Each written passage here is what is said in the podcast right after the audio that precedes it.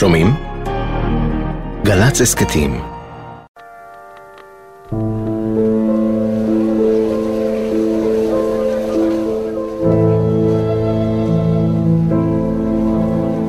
אף על פי שבסוף קיץ 1940 השתוללה באירופה במלוא עוזה המלחמה, בתל אביב כמעט ולא ניתן היה לחוש אז באותותיה.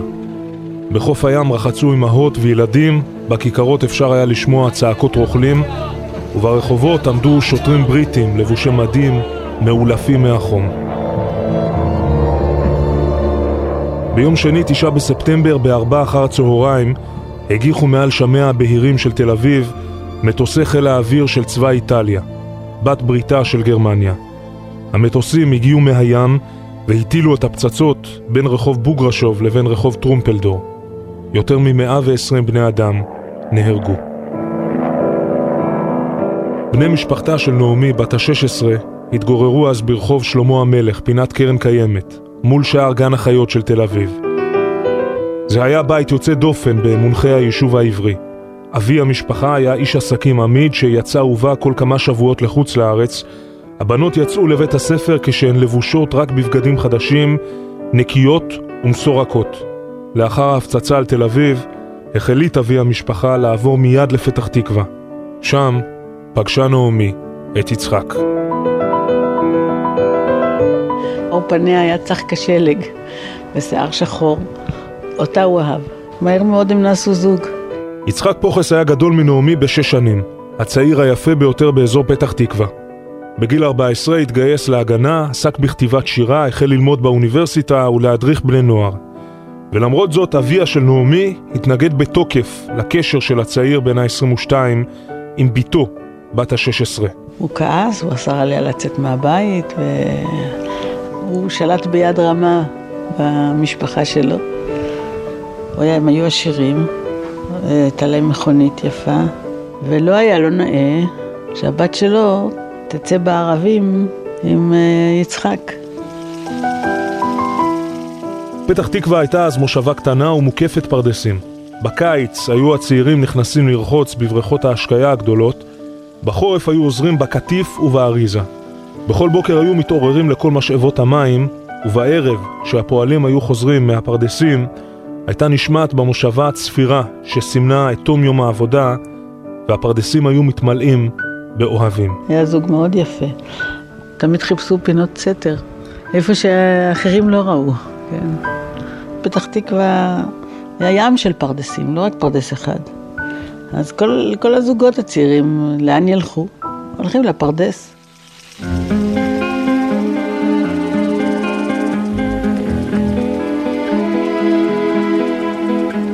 הם היו נפגשים כמעט בכל יום, בליבו של פרדס, בפאתי המושבה, ליד צריף עץ ששימש כבית אריזה.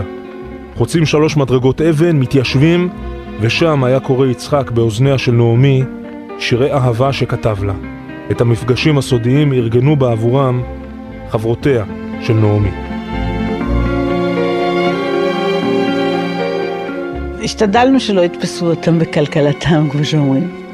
אנחנו היינו הדואר. הם היו שולחים פתקאות אחד לשני. אחר כך, כשהם קבעו פגישה, אז תמיד הייתה איזה בת שכביכול נעמי הייתה אצלה. זו הייתה באמת אהבה מאוד מאוד יפה.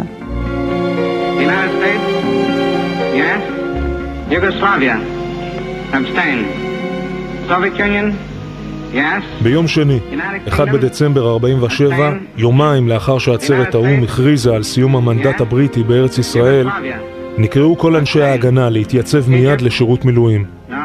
יצחק התבקש להתייצב ברחבה שמול קולנוע תל אור, ברחוב ההסתדרות בירושלים.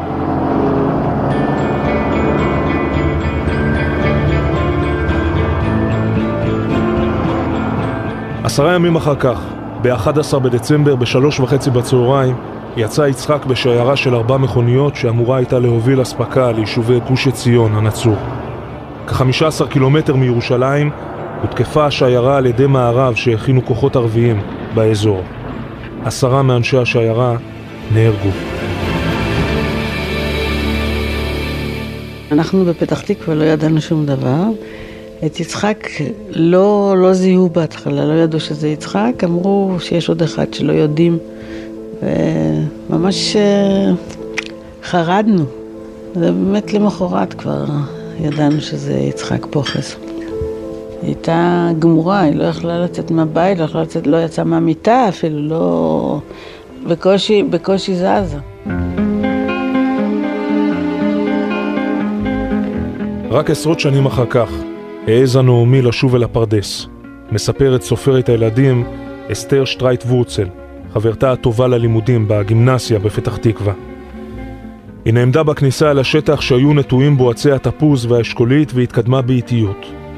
מנסה למצוא את בקתת העץ ששימשה כבית אריזה, שסמוך לה היו מסתתרים, ושאותה הזכיר שוב ושוב בשירי האהבה שכתב לה. נעמי כנראה הרגישה שכבר יש בה כוח לראות את המקום, והיא הלכה, הלכה לבקר בו, אבל המקום השתנה לגמרי, ובדיוק באותו מקום שבו הם היו נפגשים, על אותה גבעה, נבנה בית יד לבנים. את מקום פגישותינו נרשום למזכרת, נאתר בעיטור של זהב. כל גבעה וכל גיא, וכל עץ על הדרך, כל אבן ששמה תשכב. את בקתת העצים שם בראש הגבעה, ושלוש מדרגות אבנים, שידעו להקשיב ולשתוק בצנעה, אך לזכור זאת שנים על שנים.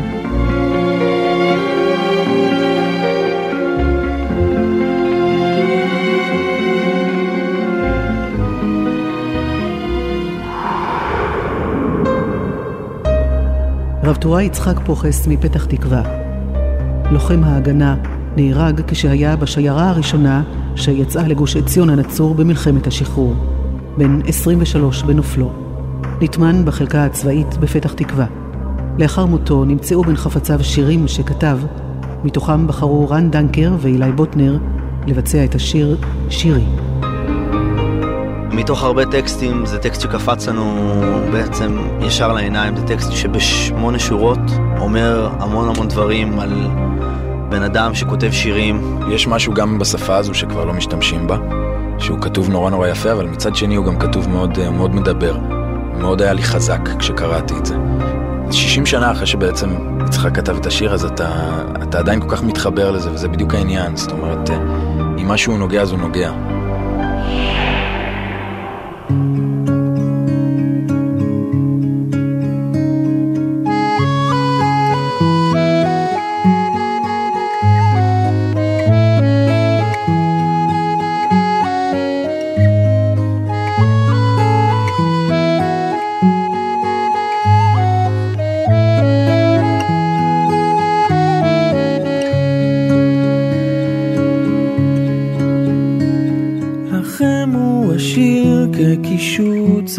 צעצוע, אך לי הוא כלב מפרפר תוך הגוף. אתם משתאים לו לכם שעשוע, אותי יעורר הכאב הטרוף. לכם הוא כצל לחסות בו לנוח, ולי הוא כשמש שורפה להשחית. שירי הוא שירי, אהוב אז אנוח, אתה רק תדע את הלב שתרתיע.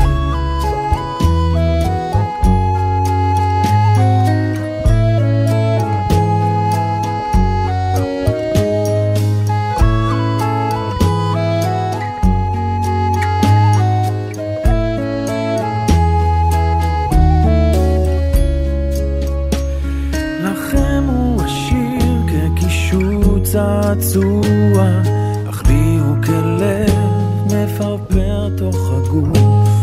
אתם משתרעים לו לכם שעשוע, אותי יעורר הכאב הטרוף. לכם הוא כצל לחסות בו לנוח, ולי הוא כשמש שורפה להשחית.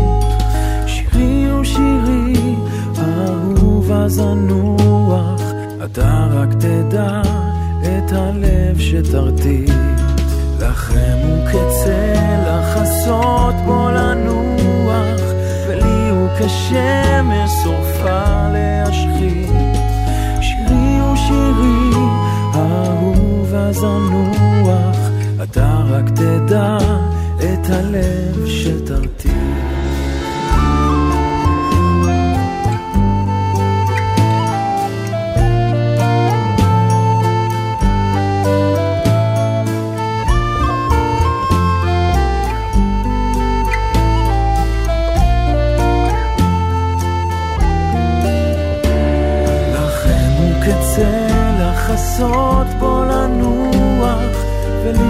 כשמש סופה להשחית.